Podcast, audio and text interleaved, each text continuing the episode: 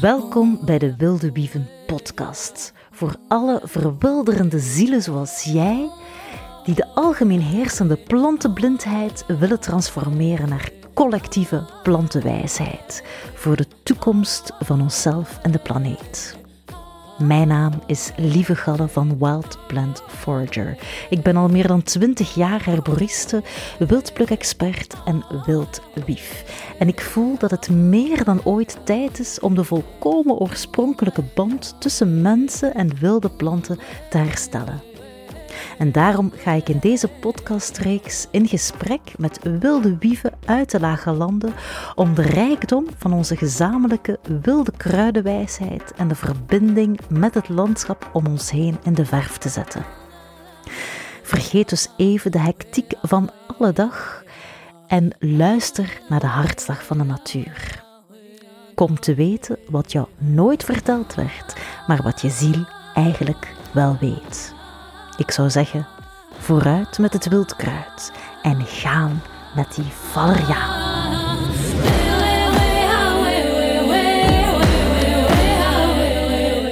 Welkom, lieve luistervink. Vandaag heb ik een speciale aflevering voor jou, een solo-aflevering waarin ik mijn herboriste hart uitstort. Want in al die jaren dat ik als herboriste werk en in alle jaren dat ik les gaf aan de herboristenopleiding, heb ik gezien dat de interesse en de kennis over geneeskrachtige planten groeiende is, maar dat er nog steeds heel veel misverstanden rond bestaan. En ik maakte eerder al een aflevering met de grootste wildpluk-mythes. Die kan je zeker nog opnieuw beluisteren. Maar vandaag gaan we het hebben over de zeven grootste misverstanden als het gaat over geneeskrachtige planten.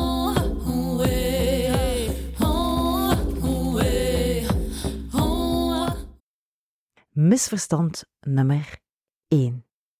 Kruiden, ik geloof daar niet in.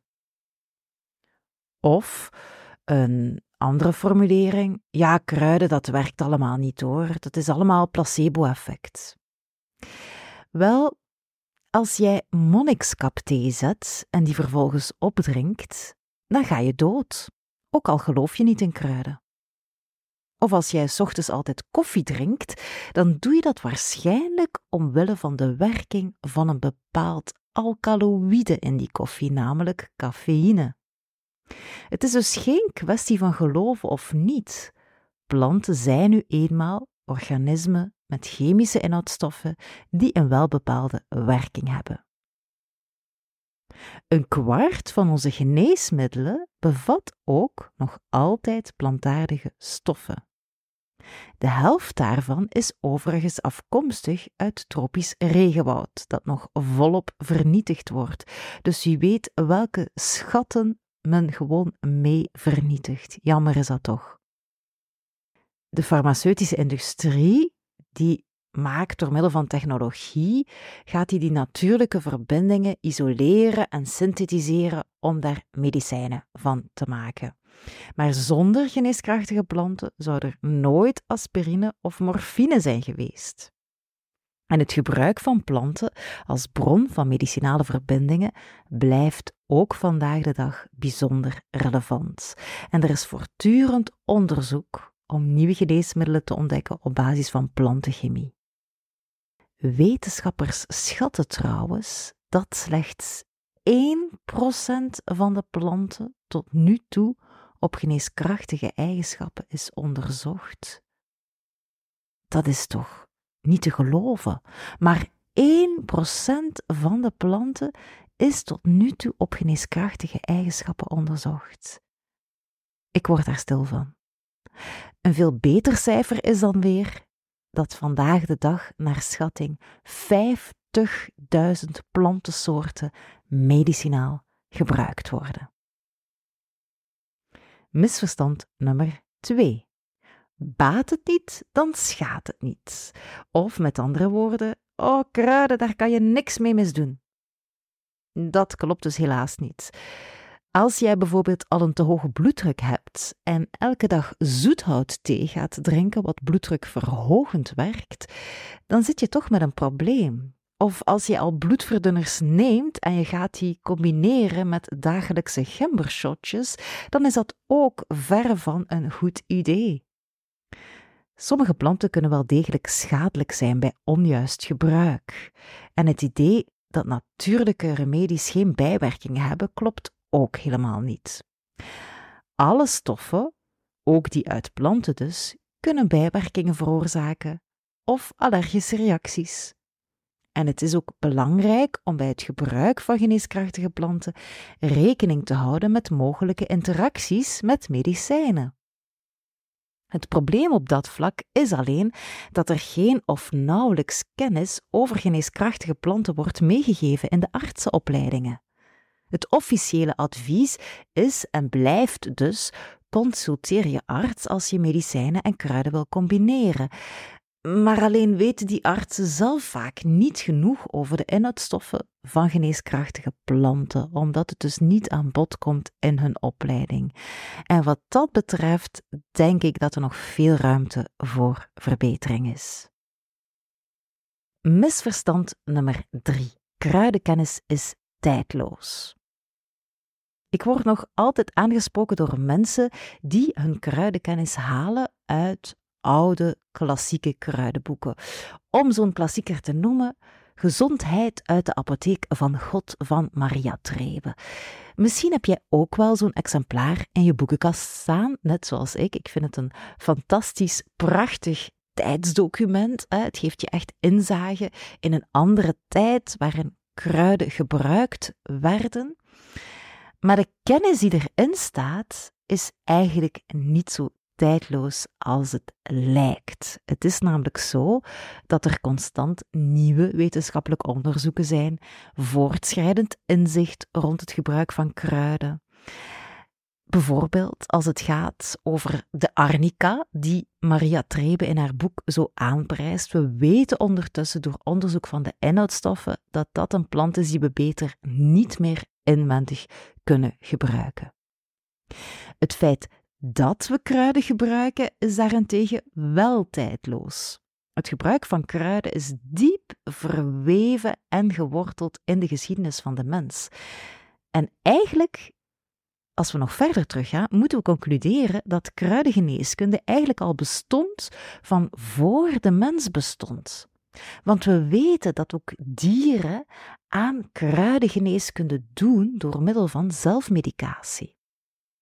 Er zijn veel waarnemingen van dieren die planten en kruiden gebruiken voor medicinale doeleinden, bijvoorbeeld als antiparasitair middel. Dat gedrag, dat noemen we zoofarmacognosie. Dat is een moeilijk woord waarmee je eens kan winnen bij Scrabble. Hm. Maar eigenlijk vind ik van dat we da vandaar ook moeten concluderen dat we eigenlijk moeten stoppen met kruidengeneeskunde alternatief te noemen. Want eigenlijk is kruidengeneeskunde gewoon de klassieke, traditionele geneeskunde. Die was er eerst. En de moderne geneeskunde is er daarna pas bijgekomen. En trouwens, voor alle duidelijkheid, die moderne geneeskunde is iets waar ik overigens helemaal niet tegen ben die heeft zeker een functie en een plaats en een tijd waar die nodig is. Als ik bijvoorbeeld ooit een operatie moet ondergaan, dan ben ik best blij dat de moderne geneeskunde zorgt voor de verdoving die we vandaag de dag hebben. En jij waarschijnlijk ook.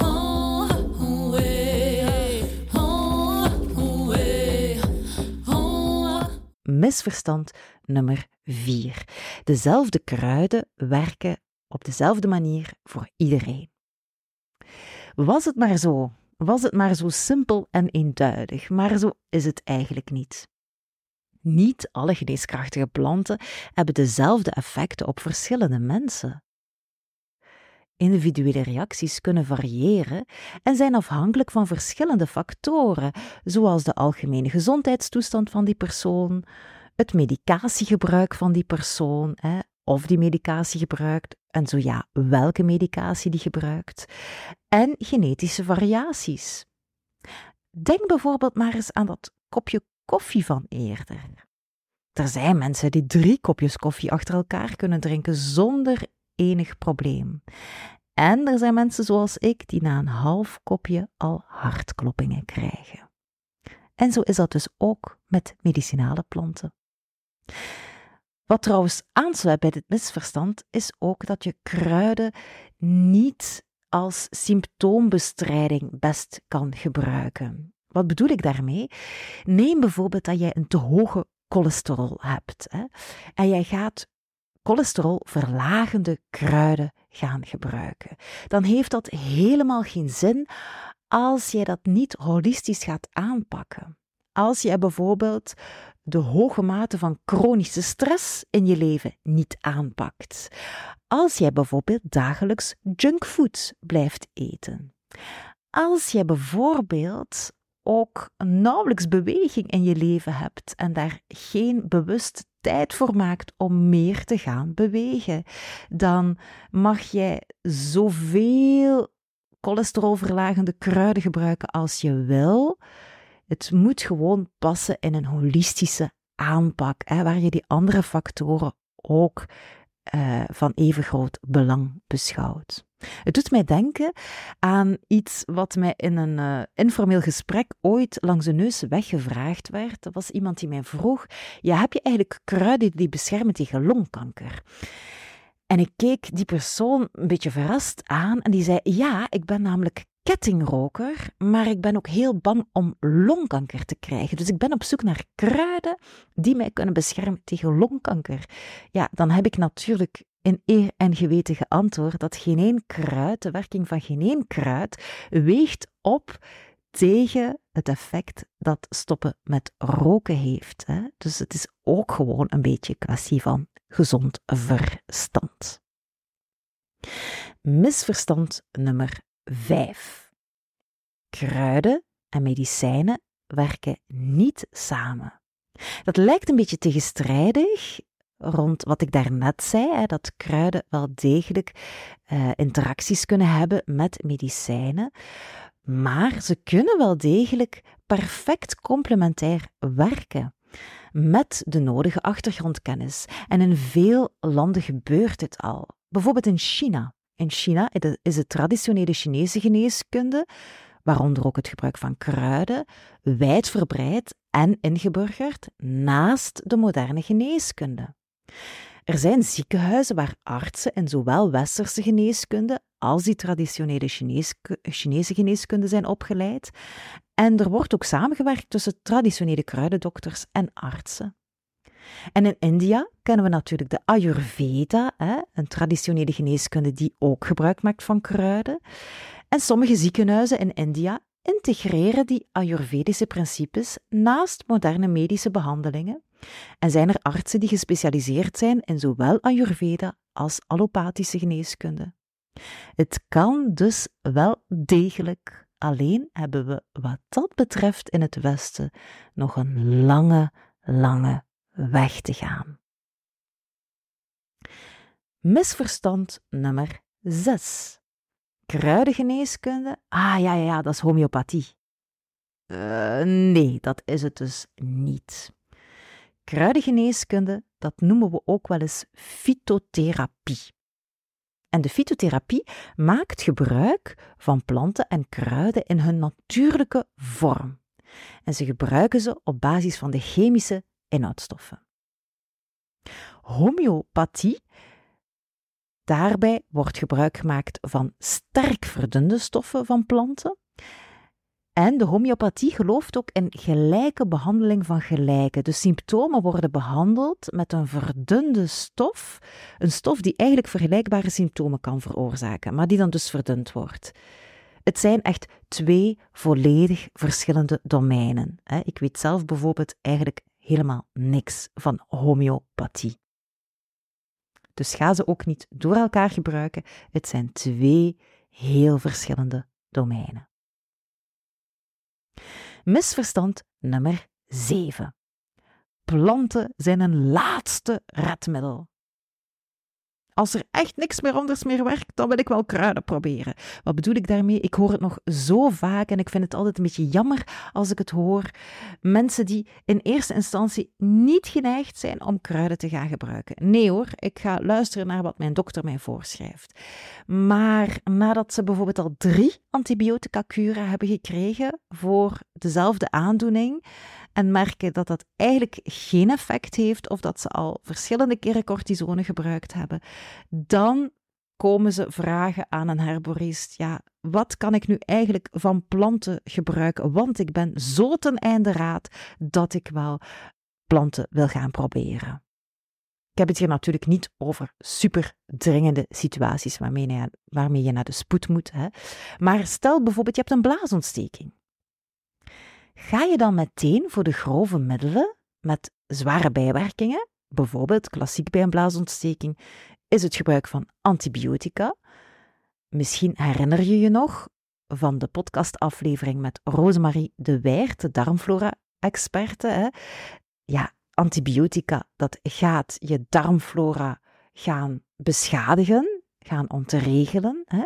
Dus ga je dat gaan gebruiken, want dan weet je ook door de beschadiging van die darmflora, dat heeft een effect op je algemene gezondheid. Of ga je eerst proberen met het drinken van veenbessensap of berendruifbladthee, zonder die zware bijwerkingen. Wat zou er gebeuren als we bij dat soort dingen eerst eens met kruiden proberen, eerst eens met de natuurlijke middelen en pas in latere fase, als we zien dat er echt geen andere optie meer is, dan pas naar de antibiotica grijpen.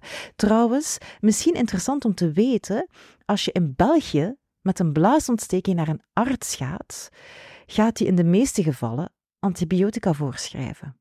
Ga je met diezelfde blaasontsteking in Nederland naar de huisarts, dan gaat hij jou heel vaak als eerste ongezoet veenbessensap aanraden. Gek eigenlijk, hè?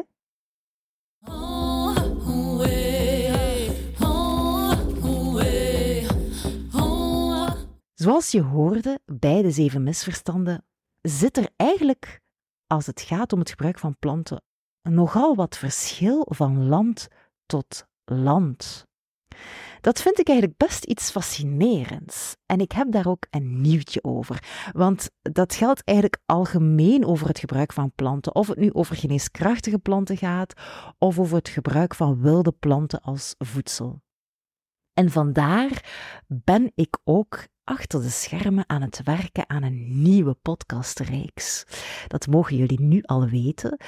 Uh, het duurt nog eventjes voor die er zal zijn. Nog enkele maanden geduld. Ik ben volop bezig met de opnames daarvan. En ook geen paniek, want de Wilde Wieven podcast die blijft gewoon doorlopen. Die blijft gewoon bestaan. Maar dus daarnaast ben ik bezig aan een nieuwe reeks waarbij ik in gesprek ga met herboristen en wildplukkers uit andere landen in Europa. Want bijvoorbeeld, wist je dat je in Engeland gewoon gecertificeerde, erkende medical herbalist kan zijn? En ben je misschien ook benieuwd naar de heel andere wetgeving die er in Zweden is rond wildplukken? Als dat soort dingen je fascineren, dan ga je zeker aan je trekken komen met een nieuwe podcast. Dus nog even geduld daarvoor. Mocht jij nog interessante mensen kennen in het buitenland die daarover te gast willen zijn, laat het me zeker weten. Ik interview deze gasten in het Engels. Uh, dus ze moeten helemaal geen Nederlands kennen. Um, en ze hoeven ook geen perfect Engels te praten. Hè maar ik ga een interview in het Engels, zodanig, ja, dat is natuurlijk het handigste als we het internationaal houden. Dus voilà, dat was al even een voorsmaakje om jullie alvast te verlekkeren op de nieuwe podcastreeks. Maar voor nu zou ik zeggen, ik zie jullie heel graag terug op de volgende aflevering van de Wilde Wieven podcast. En heel graag tot paardenbloems. Dag!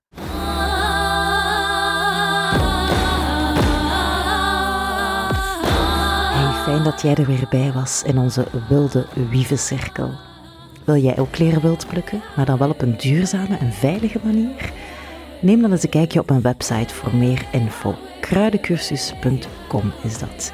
Je vindt er een gratis wildpluk kickstartpakket of, als het je echt menens is, kan je je aanmelden voor de wildpluk jaaropleiding.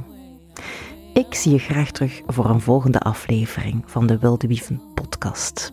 En voor nu, Ga lekker de natuur in en volg je wilde hart.